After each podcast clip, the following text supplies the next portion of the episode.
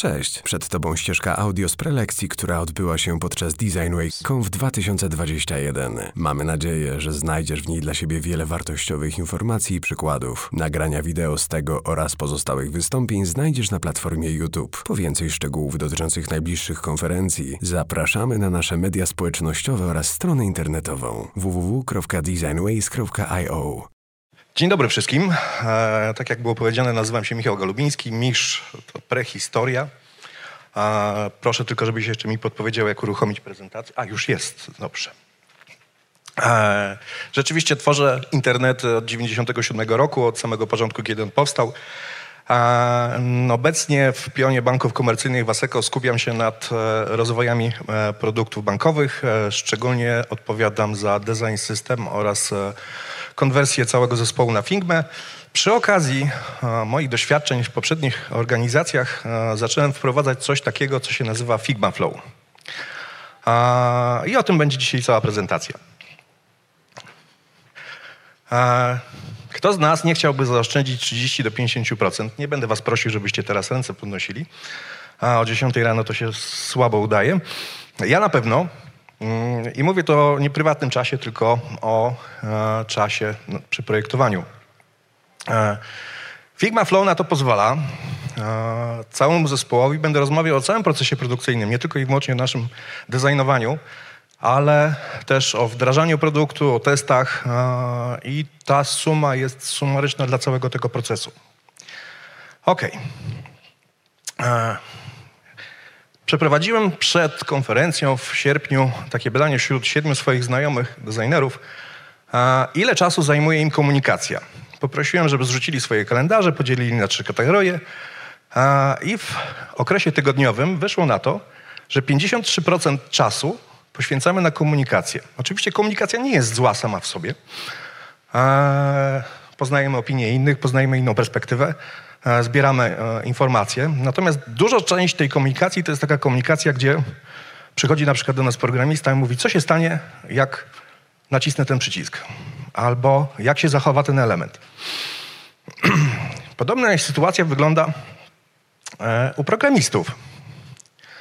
A oni również tracą 41% swojego czasu. To jest badanie z 2013 roku. E, Zdaje się, 41% czasu na komunikację zamiast na pracę. Znowu, cała komunikacja na pewno nie jest zła, ale jak widzimy na tych wykresach e, i liście, część z tego dałoby się jakoś zaoszczędzić. A Figma Flow pozwala w wypadku programistów oszczędzić 20, do 25% czasu z e, ich e, 41. No i teraz przejdźmy do takiej rzeczy. Ja mam cały czas problem z takim słownym ping-pongiem w komunikacji w, e, wewnątrz organizacji, że coś się przekazuje, potem to wraca, potem znowu się informuje, znowu wraca. To jest taki świetny przykład, gdzie znalazłem go na jakiejś stronie. E, Proszę wybaczyć, nie pamiętam już na której, e, zapamiętałem go po prostu. Gdzie mamy dialog, pękła uszczelka, no i co? Woda się leje, no i co? E, trzeba ewakuować biuro. Aha, no dobra, to trzeba było od razu tak powiedzieć. A gdybyśmy zmienili to na jedno pojedyncze zdanie. Pękła uszczelka, leje się woda, trzeba ewakuować biuro. Odpowiedź na to jest być tylko jedna. E, No i ten słowny ping-pong rośnie nam wraz z ilością e, osób, które uczestniczą w dialogu. E, Nie rośnie liniowo, rośnie logarytmiczo.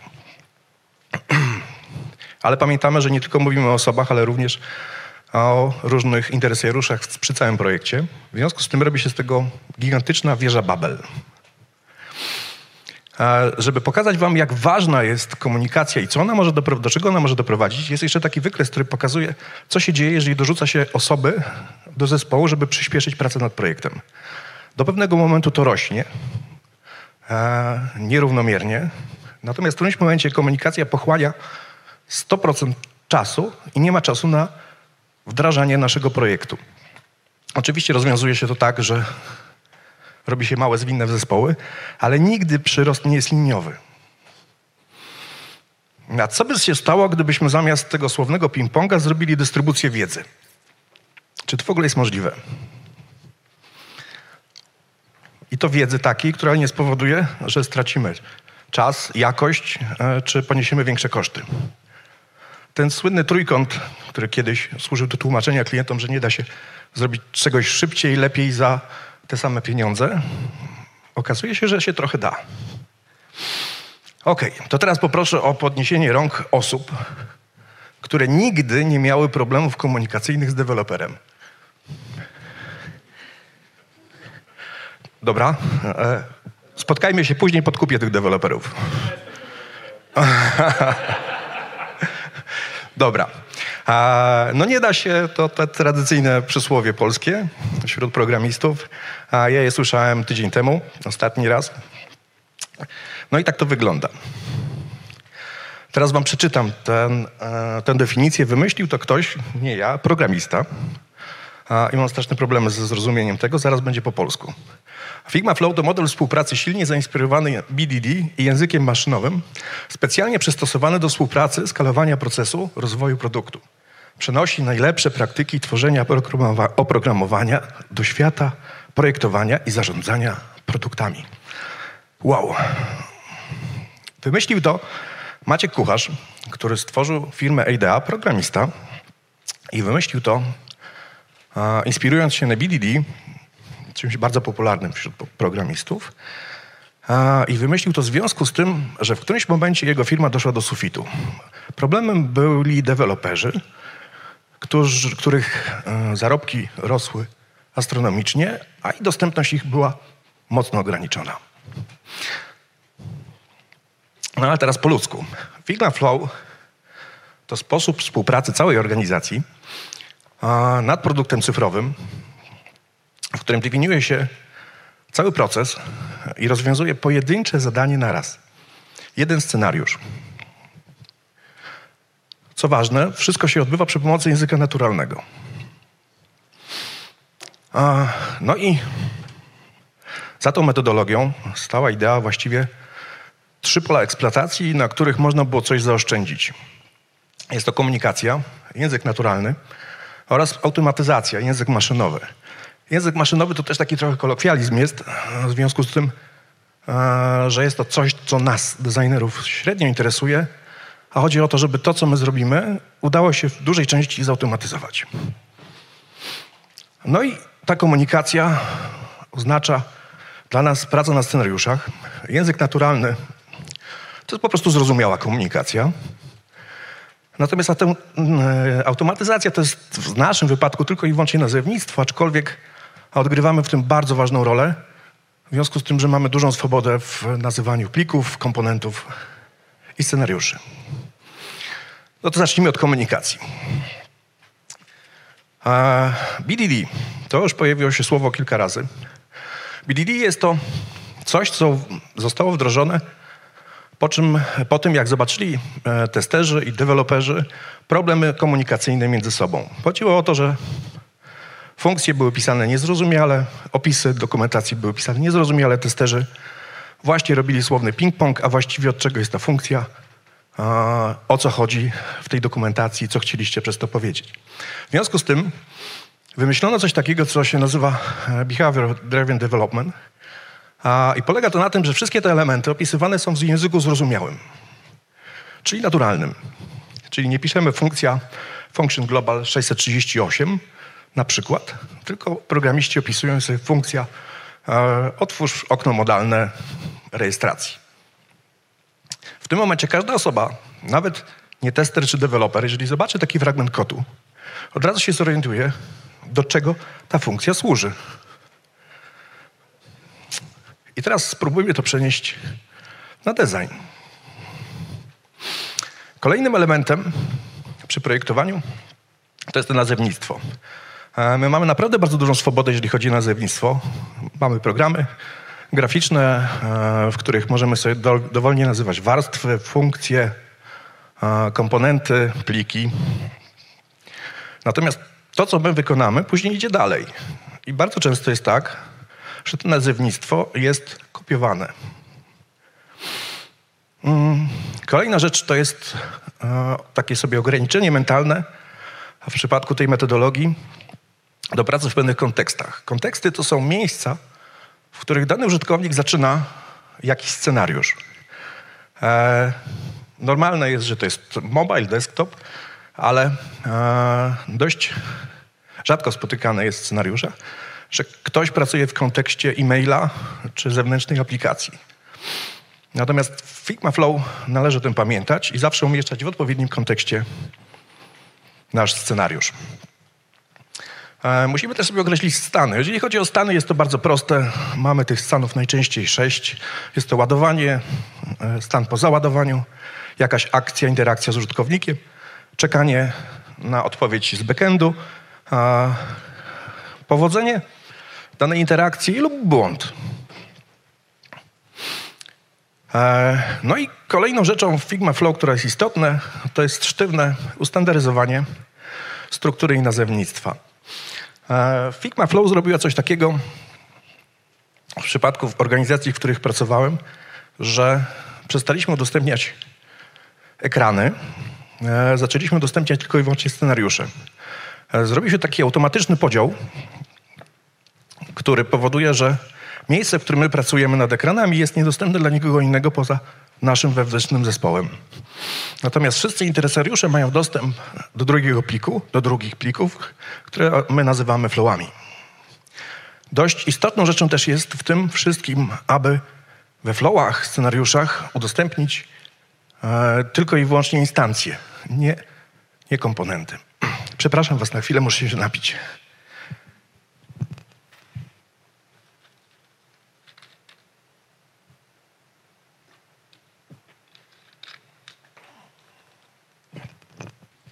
Ojej, atmosfera Krakowa strasznie mnie dusi. Chociaż podobno dzisiaj całkiem niezłe powietrze jest. Ale moja astma mówi co innego. Okej. Okay. O, nie wziąłem klikacza. Eee, jest to o tyle też fajne, że nikt nam po prostu w tych komponentach nic nie może nabruździć, nieważne czy się pomylimy z dostępem. A zdarzały się takie sytuacje. Okej. Okay. Kwestia strukturalna dotyczy też nazw plików i w tym wypadku wypracowaliśmy coś takiego, które jest opracowane również ten język maszynowy, e, że dzielimy sobie, e, czy nazywamy sobie pojedyncze pliki, e, wpierw używając kontekstu, następnie jasno opisując funkcję danego ekranu, następnie stan, a na sam koniec opcjonalnie jakąś wersję. Mm, łatwo, łatwo do tego podejść, łatwo to zrobić. Powiem szczerze, jak zobaczyłem pierwszy raz, jak wyglądać to powinno, pracując z Maćkiem, to bardzo, bardzo długo, bo przez około trzy dni, e, strasznie się buntowałem. Bardzo mi to nie pasowało. Wolałem pliki nazywać 001, 002, 687 FIN. Okej. Okay. Ta sama zasada dotyczy komponentów, z tym, że w komponentach stało się coś dziwnego. Maciek bardzo długo mi to tłumaczył, do dzisiaj mi się tego nie udało zrozumieć, że nazewnictwo jest podobne, natomiast wariant znajduje się przed e, stanem. Stan jest jako ostatni. To coś chodzi o to, że jak się coś automatyzuje, to maszyna to lepiej zrozumie. Okay, to przejdźmy do kluczu tego wszystkiego. A, co jest najważniejsze w Figma Flow? Do pracy nad scenariuszami. Wszystkie badania jednoznacznie mówią, że multitasking to jest fikcja. Jeżeli ktoś mówi, że potrafi pracować jednocześnie nad wieloma wątkami, są tacy ludzie. Ja kiedy też się do nich zaliczałem, póki nie obejrzałem prezentacji Paolo Cardini na TED Global w 2012 roku i przekonałem się, że to jest guzik prawda i że on ma rację. Jeżeli ktoś pracuje nad wieloma wątkami naraz, to spada jego jakość i prędkość działania. Więc jak sobie to szczerze powiemy, że wszyscy jesteśmy jednowątkowi, no to będzie nam łatwiej. A to, to większość z Was zna. W naszym wypadku jest to mapa e, jednej funkcjonalności doładowywania tabelki w bankowości. Tu nic więcej nie ma. I teraz Żaden człowiek, patrząc się na coś takiego, nie powie, że tego ogarnie. Nie da się. Ok, a co nasz user? User. No nasz user też pracuje jednowątkowo. Powiedzmy, że chce sprzedać samochód na Allegro.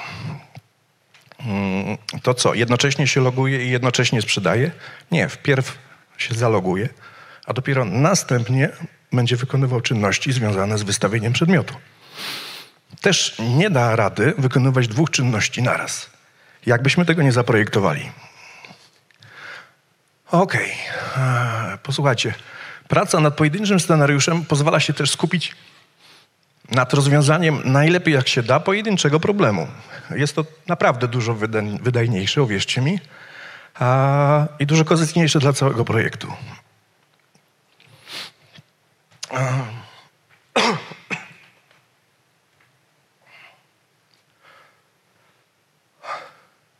Scenariusze a, mają też takie zadanie, aby podzielić użytkowników na role.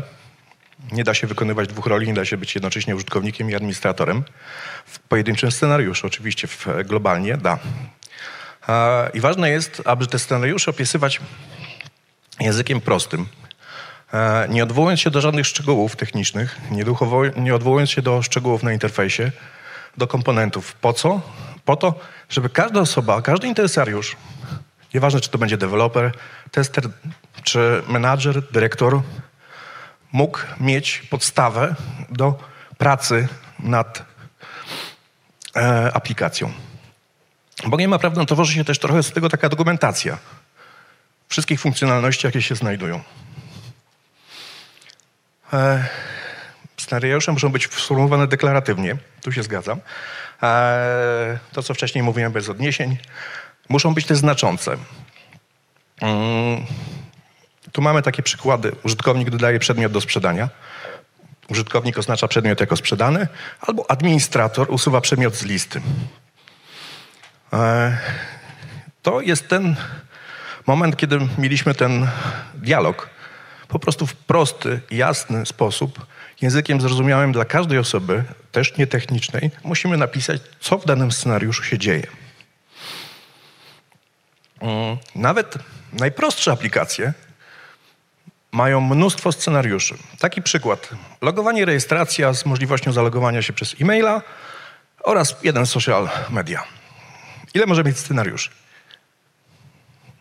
8 do 12. Jest to związane z tym, że mamy dwie ścieżki. Każda ścieżka może, się, może zakończyć się powodzeniem, niepowodzeniem. E, może się okazać, że użytkownik chce przywrócić hasło. No i w ten sposób dochodzimy do tego, że najprostsza rzecz robi się teoretycznie skomplikowana. Co jeszcze? Tu ważna kwestia jest, bo jest dużo wątpliwości w organizacji. Bardzo często kto ma pisać te scenariusze. Bardzo ciężko będzie menadżerowi rozmawiającemu, rozmawiającemu z klientem rozpisać te scenariusze do, dokładnie. Nie, na początku pisze się scenariusz, użytkownik loguje się do serwisu.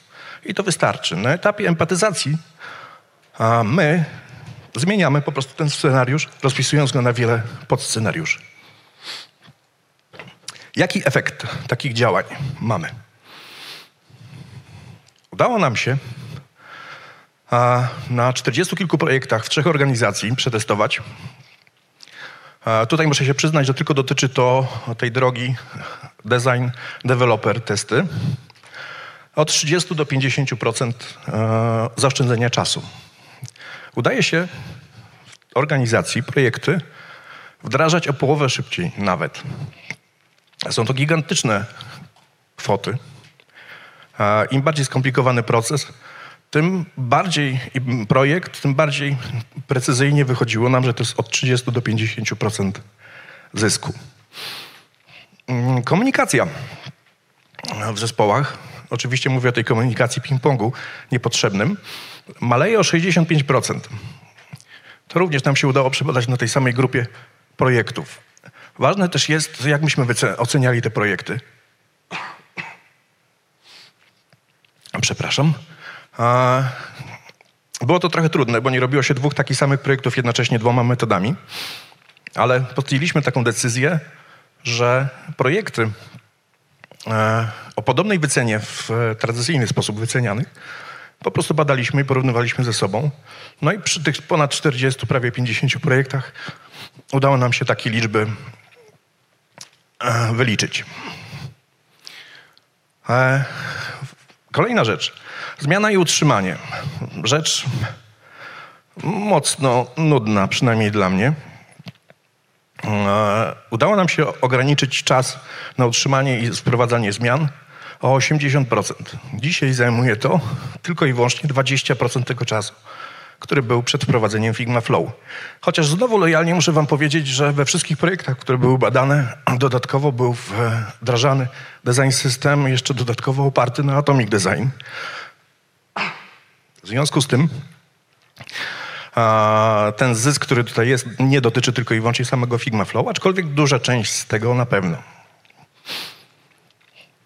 No i największa liczba, jeżeli chodzi o oszczędność, może nie największy procent, nie liczba, to jest wdrażanie nowych pracowników. A do tej pory trzeba było przekazać wszystkie informacje dotyczące projektu, wyjaśnić, pokazać palcem, e, zorganizować kilka spotkań pokazujących, jak dany projekt funkcjonuje, co za co odpowiada. W momencie wprowadzenia Figma Flow wdrożenie nowego pracownika kosztuje tyle, żeby go wdrożyć w Figma Flow. Cała reszta, praktycznie cały projekt jest od razu dokumentacją napisaną językiem naturalnym, czyli zrozumiałym dla każdego. E, no i to procentowo naprawdę robi wielkie wrażenie. E, I co jeszcze więcej, jeżeli chodzi o te zyski? Okazało się, że e, Figma Flow sprawdza się nie tylko i wyłącznie w relacji design, development, testy, ale bardzo chętnie product ownerzy zaczęli tego, z tego korzystać. Okazało się, że da się estymować na podstawie scenariuszy koszty projektu. Czyli na samym początku zdefiniować główne scenariusze i na podstawie tego, jakie mamy zdefiniowane główne scenariusze, określić, ile będzie nas kosztował dany projekt. E, jest do tego na przykład tworzone oprogramowanie. Prace nad nim zostały przerwane niestety przez COVID-a. E, mam nadzieję, że niedługo zostaną wznowione. Taki jest przynajmniej plan.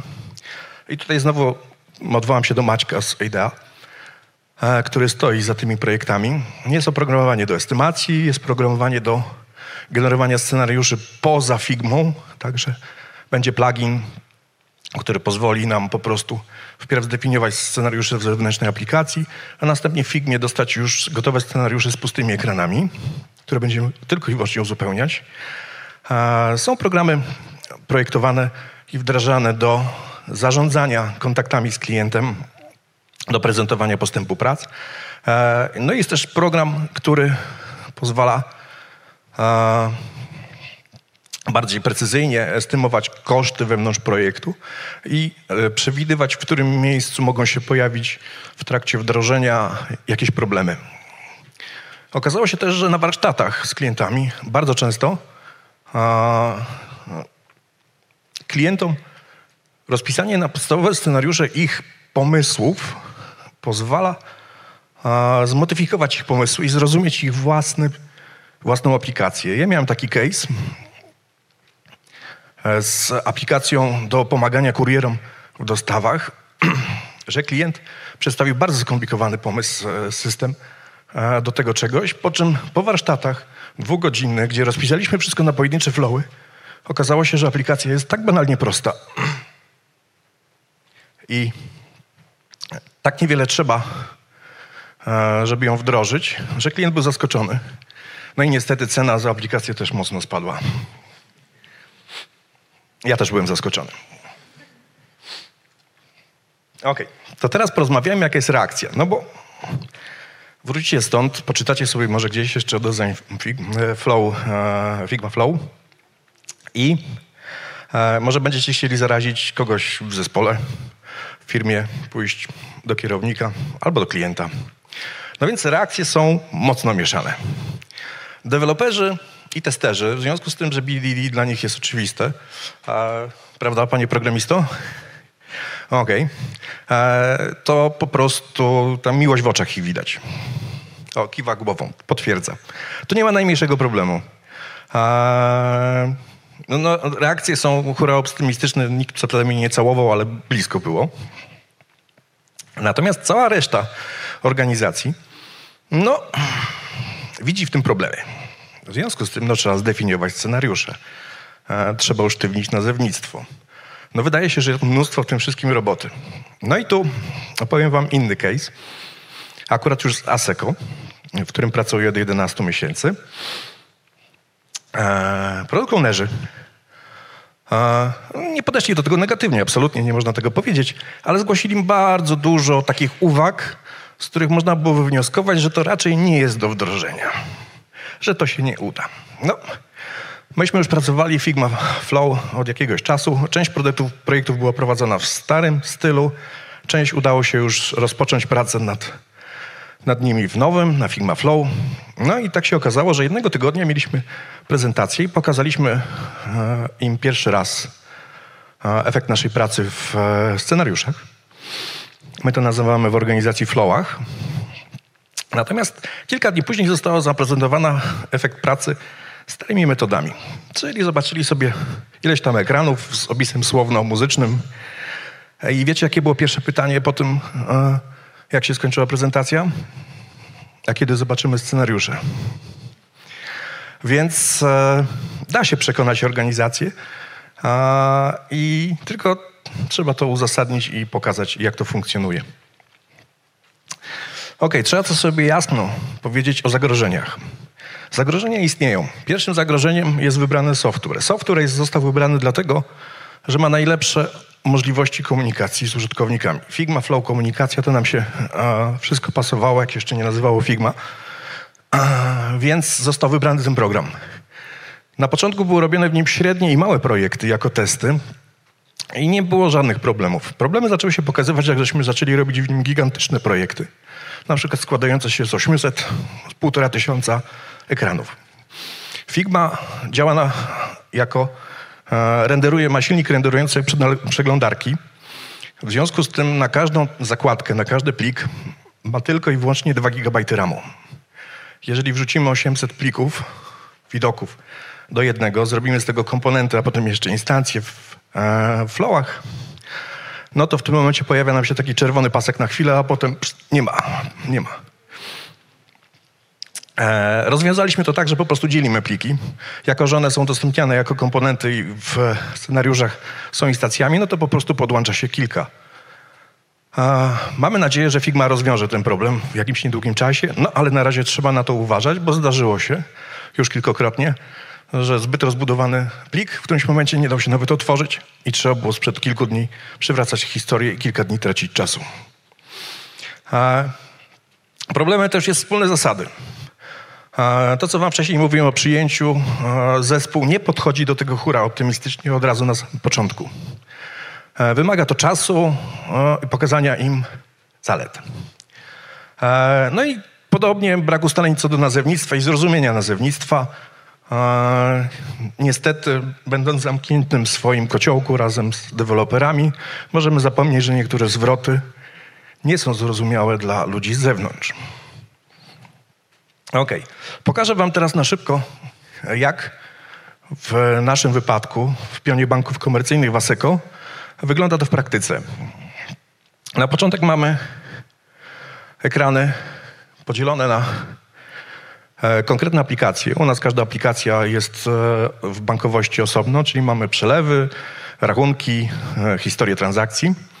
W osobnych plikach ładnie sobie to kolorujemy. Wprowadziliśmy też pewne oznaczenia kolorystyczne, które ułatwiają nam działanie i deweloperom. W, wewnątrz, jeżeli wejdziemy sobie do takiego pliku, mamy tak jakby mapę wszystkich stanów. W pionach zobaczycie pojedyncze ekrany, natomiast w poziomach to są stany od góry ładowanie, załadowane i tak dalej. E, oczywiście nie występują wszystkie ekrany, chociaż takie było założenie Figma Flow. Jednak w trakcie pracy okazało się, że na przykład jeżeli otwieramy model, który jest załadowany już do pamięci przeglądarki, to ekranu ładowania to tego nie będzie. Dlatego pojawiły się nam takie szare e, przestrzenie, które mówią, że ten ekran nie występuje. Następnie E, mamy kolejny plik, który, do którego już dostęp mają wszyscy interesariusze, gdzie mamy podzielone na konkretne mini aplikacje, w naszym przypadku flowy, czyli nasze scenariusze. Mm, pojedynczy flow, flow zaczyna się od wyjaśnienia zakładamy sobie coś takiego, że nasze flowy mogą wyjść poza organizację nawet do osób, które nie miały przeszkolenia i nie wiedzą, co to jest Figma Flow. W związku z tym na początku dajemy im krótkie wyjaśnienie, jak się poruszać w tym. Jak widać, wystarczy 4 albo 5 punktów, żeby sobie to zrozumieć. Tu już wcześniej wspomniałem, wprowadziliśmy sobie bardzo fajne i ułatwiające życie oznaczenia kolorystyczne. A, oznaczają po prostu, czy dany element dotyczy to zarówno ekranów, jak i komponentów, jak i nawet scenariuszy. Jest w trakcie prac, czy jest zakończony, czy jest na przykład odrzucony. Pojedynczy scenariusz wygląda po prostu jako strasznie nisko to jest, jako ciąg ekranów w poziomie z pewnymi opisami. I wygląda to tak, że na początku mamy warunki wejściowe. Dodaliśmy sobie coś takiego, bo za każdym razem trzeba było na przykład robić rejestrację w bankowości, cały scenariusz. Natomiast zrobiliśmy sobie warunki wejściowe. Na przykład w tym wypadku mamy user jest zalogowany i user jest w kontekście korporacyjnym. Następnie prezentujemy ekran, który jest startem danego flow i informujemy, co na danym ekranie zostanie zrobione. Użytkownik klika w menu rachunki.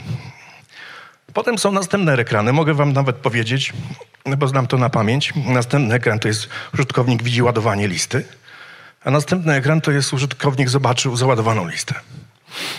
E, co to nam daje? Daje nam to, że nikt nie zada nam pytania, a co się stanie, jak kliknę na to?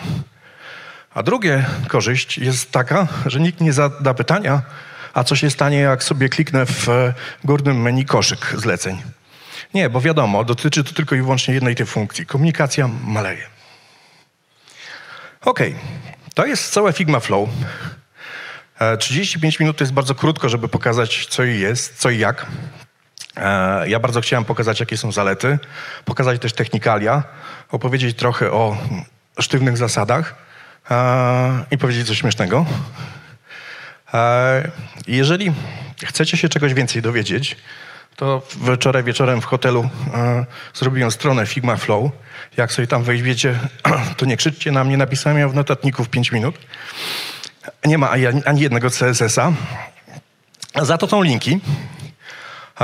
Linki są do prezentacji. E, są też do plików przykładowych, które stworzyła firma IDEA. E, Jest też do ich strony, która opisuje w bardzo skrócony sposób tą metodologię. E, No i kilka trochę moich prywatnych, żeby nie było. I na tym chciałbym skończyć prezentację i poczekać na pytania z waszej strony.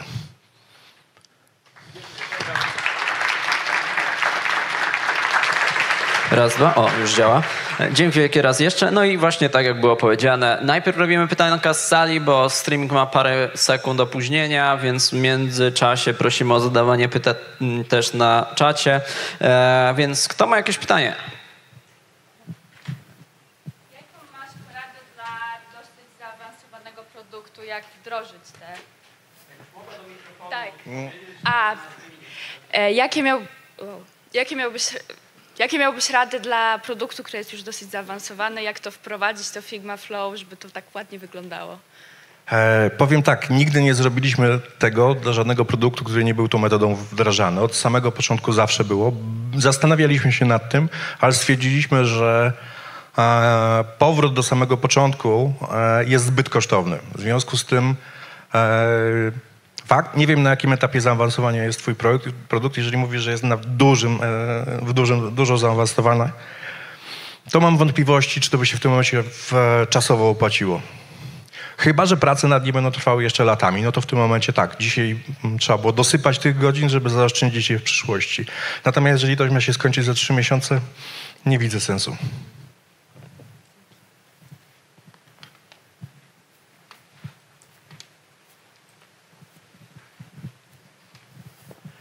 Cześć, dzięki za prezentację. Mam takie pytanie, bo alternatywą trochę do tego sposobu jest zapis takiego klasycznego flow, czyli projektuję sobie jakiś moduł niskopoziomowo na low fidelity z biznesem i opisuję te moduły tam. Czyli robię sobie strzałkę, co ten baton, jaki efekt przyniesie, jakie potencjalne na przykład bramki logiczne on może em, wywoływać. I pytanie, jak ta forma w Figmie jest bardziej korzystna od takiej klasycznej low fidelity e, mapy, którą też można narysować trochę w innej formie. Ten punkt wejścia z warunkami jest na pewno bardzo fajny i na pewno go pożyczymy. Ale czym on się różni w tym kontekście, bo ja na przykład widzę dużo korzyści w low fidelity, w rozrysowaniu tych map, że biznes nie, nie pracuje na tych kolorkach, bo nie wiem jak wy, ale ja mam doświadczenie takie, że jak pokazuję im high fidelity, to oni będą rozmawiać o kolorach i czy na pewno ta ikona jest właściwa, a nie o tym, czy funkcjonalność jest zrealizowana, więc ja bym e, nie chciał ich tam wprowadzać i dlatego jestem ciekaw twojej opinii w kontekście takiego klasycznego flow, czy my to zrobimy w Whimsicalu, czy my w e, Mairo to możemy zrobić, czy w klasycznym balsamiku e, i w porównaniu do tej metodologii. Dziękuję. E, Okej, dobre pytanie. Mm, To zacznę mm, od drugiej kwestii, a właściwie od pierwszej. E, To jest tak, myśmy e, wymyślając, znaczy Maciek wymyślając e, w firmach Flow, ja uczestniczyłem tylko i wyłącznie w e, doszlifowaniu tego systemu i to bardziej z tej części designerskiej. Było to robione pod deweloperów. Deweloperzy nie pracują, pracują na ekranach e, gotowych. E, W związku z tym Podeszliśmy do tego w ten sposób, że dostarczymy im tą funkcjonalność. Nie każemy im skakać do dokumentacji, nie każemy skakać im do design systemu, nie każemy im skakać, skakać do Makit e, Low-Fi, żeby zobaczyli, jak dany element, komponent się zachowuje. Po prostu zobaczą to na finalnym ekranie, jak ma się zachować. Teraz druga kwestia, makiet Low-Fi, Hi-Fi. No, ja mam trochę inne podejście mm, i okazało się, że dużo osób też, e, że makiety mm, low-fi zniosą bardzo dużo. Mm, Niekoniecznie później uda się to, co się robi na makietach low-fi, e, wdrożyć w finalnym produkcie. Prosty przykład, e, może trochę naiwny, ale pokazujący o co chodzi. Jeżeli sobie ktoś zaprojektuje termsy, zastrzeżenia prawne na makiecie low-fi, zrobi sobie na to 10 linijek tekstu, krzyknie sobie tam, zanarysuje sobie zygzaczek, tak, a potem się okazuje, że dostajemy od prawników 40 stron. E, To się nie sprawdza. E, I powoduje dodatkowe koszty później przy wdrożeniu, bo deweloperzy przychodzą, a co mamy teraz zrobić? No, dla nas to jest jasne, że w tym momencie przycisk potwierdzenia, że się zapoznaliśmy z warunkami serwisu, powinien e, być fixed i powinien być widoczny cały czas. Natomiast treść powinna być prze, przewinięta. Natomiast programista tego nie wie i nie widzi. Oni nie widzą takich rzeczy. Dlatego podjęliśmy taką decyzję, że nie pracujemy właśnie w ten sposób na makietach Lofi, godząc się na to, że mogą się pojawić uwagi dotyczące kolorków, ikon i tak dalej. Jeszcze pytanko? Tam ktoś się zgłasza, ale już chyba zrezygnował, więc tu oddaję mikrofon. E, Ja może takie dość techniczne pytanie, ale jak rozwiązujecie problem e, Pixel Perfect? Bo jeżeli mamy takie ekrany już bardzo gotowe, to czy każdy konkretnie musi być idealnie przygotowany, spacing i tak dalej? Czy jednak macie jakieś odniesienie do e, takiego gotowego, finalnego ekranu, na którym deweloperzy mogą sprawdzić jakieś takie detale, a reszta, jeżeli gdzieś omsknie się, coś przesunie, to, to jest okej? Mamy na ekranach od razu Pixel Perfect. Wszystkie rzeczy są w design systemie. Gridy również mamy opracowane w design systemie i makiety low-fi są Pixel Perfect. One muszą mm, od samego początku, e, hi-fi, przepraszam, muszą być od samego początku przygotowane zgodnie z wytycznymi. Dobra, e, jeszcze są jakieś pytania z sali? Bo, o, jest e, dodatkowe. To ostatnie pytanie z sali i potem tu widzę na platformie jest parę pytanek. Gdzie tutaj ktoś machał? O, Tu, tam było pierwszy. Trzymaj. Cześć, bardzo fajna prezentacja. Ja bym chciał się zapytać o taką kwestię, ponieważ jak dobrze wiemy, mamy takich dwóch hegemonów na rynku aplikacji projektowych Figma i Sketch. Są też inne oczywiście. Mm, No ale w Sketchu występuje takie bardzo mocne combo y, InVision i Sketch. No i powiedzmy, że Figma z InVision ze sobą trochę konkurują na tym tle. Y, Czy mógłbyś wskazać takie największe wady, zalety jakby tej Figmy, tego Figma Flow nad na przykład pracą z InVision, bo, bo zmiana, przejście na Figma Flow będzie się też wiązało z przejściem na przykład na Sketcha, więc może tu jest jeszcze też coś ciekawego. Figma kontra InVision. E, Będzie trochę problem, bo ja w e, Figmie pracuję od czterech e, około lat, natomiast w InVision nie pamiętam kiedy. Więc ciężko będzie mi się porównać, mogę się porównać do wersji sprzed x lat, e, która na pewno była mocno uboga do tego, co w tej chwili dzisiaj jest. E, Jeszcze raz, myśmy wybrali Figmę ze względu na mocne jej strony, jeżeli chodzi o komunikację e, wewnątrz. Wyszliśmy też z założenia, że jest to jedno narzędzie, nie musimy mieć dwóch. Tutaj nawet mieliśmy przed prezentacją rozmowę z Michałem e, Strączkiem, który pracuje ze mną w e, ASECO, w Pionie Banków Komercyjnych, mm, nad zaletami, ale żeśmy się w to mocno nie wgłębili. No, pierwszą i podstawową jest e, to, że mamy wszystko w jednym miejscu. Natomiast jeżeli e, chciałbyś uzyskać pytanie dokładnie, odpowiedź na to pytanie dokładnie, jakie są plusy i minusy, to proponuję złap mnie e, po prezentacji i złapię ja Michała i opowiemy ci o tym we dwóch. Dzięki. I teraz mamy parę pytań e, z streamingu. Pierwsze pytanie. Jakie mieliście potknięcia poza technicznymi? Radek pyta. Ej, Boże, wiecie co? Nie pamiętam żadnych potknięć. E, Poza technicznymi. Mieliśmy techniczne rzeczy, tak? Udało nam się tak zapchać firmę, że musieliśmy przywracać, to już wam mówiłem.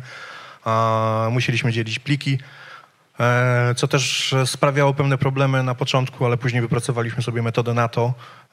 Poza technicznymi nie spotkaliśmy się wśród tych 40 kilku projektów e, z jakimś innym problemem. Zarówno i klienci, e, zlecający, wszyscy widzą ostatecznie, jak już dostaną e, scenariusze, w tym duże zalety, przede wszystkim zrozumiałość tego wszystkiego. I jeszcze nie było fakafu. Nie, nie mówię, że nie będzie. Pewnie coś się jeszcze wydarzy. Raz się jeszcze z Figma wydarzyło, jeżeli chodzi o techniczne, to wam mogę powiedzieć, zostały wprowadzone zmiany do autolayoutów, e, ale to bardziej z systemem jest związane, a nie z Figma Flow i nam się wszystko rozsypało, znaczy wszystko przesadzam, dużo rzeczy nam się rozsypało. Nie przypominam sobie takich. Okej. Kolejne pytanie. Jacek pyta, jest dość enigmatyczne, ale e, postarajmy się e, go zrozumieć. Kto utrzymuje tę dokumentację? Jacek, jeśli nas słyszysz, e, możesz ewentualnie uzupełnić pytanie.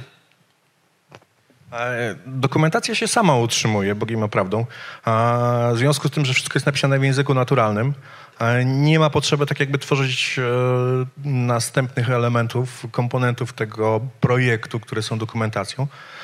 Jeżeli utrzymuje się pewne zasady, stara się pisać językiem naturalnym, e, wszystkie elementy, dokumentacja tworzy się sama. Okej. I ostatnie pytanie. E, tutaj Tomek, to jest kontynuacja jakiegoś pytania, które było już tutaj z sali przed chwilą. Czyli rozumiem, że w tym podejściu rezygnujemy z makiet low-fi i pracujemy od razu nad e, high-fi. E, Makiety Lofi mogą być. e, My czasami sobie pozwalamy na pracę na makietach Lofi, ale tylko i wyłącznie wewnątrz działu, natomiast e, na zewnątrz od razu pokazujemy makiety HiFi. Nie ma czegoś takiego, że dyskutujemy z kimś na, na, nad uproszczonymi wersjami, nieskończonymi. Zawsze staramy się dostarczyć produkt maksymalnie zrobiony w ten sposób, żeby odpowiadał potrzebom wszystkich interesariuszy. Dobra, no i to by było tyle. Jeszcze, e, bo nie wiem, czy każdy dostał maila. Każdy uczestnik offline dostał dostęp do tej platformy online, więc możecie się zalogować na e, streamie również. E, Poszukajcie kodu na mailu, kto się jeszcze tego nie robił i kto nie chce na przykład zadawać pytania publicznie, może też na czacie wpisać, my przeczytamy to pytanie. Brawa, dzięki wielkie za prezentację.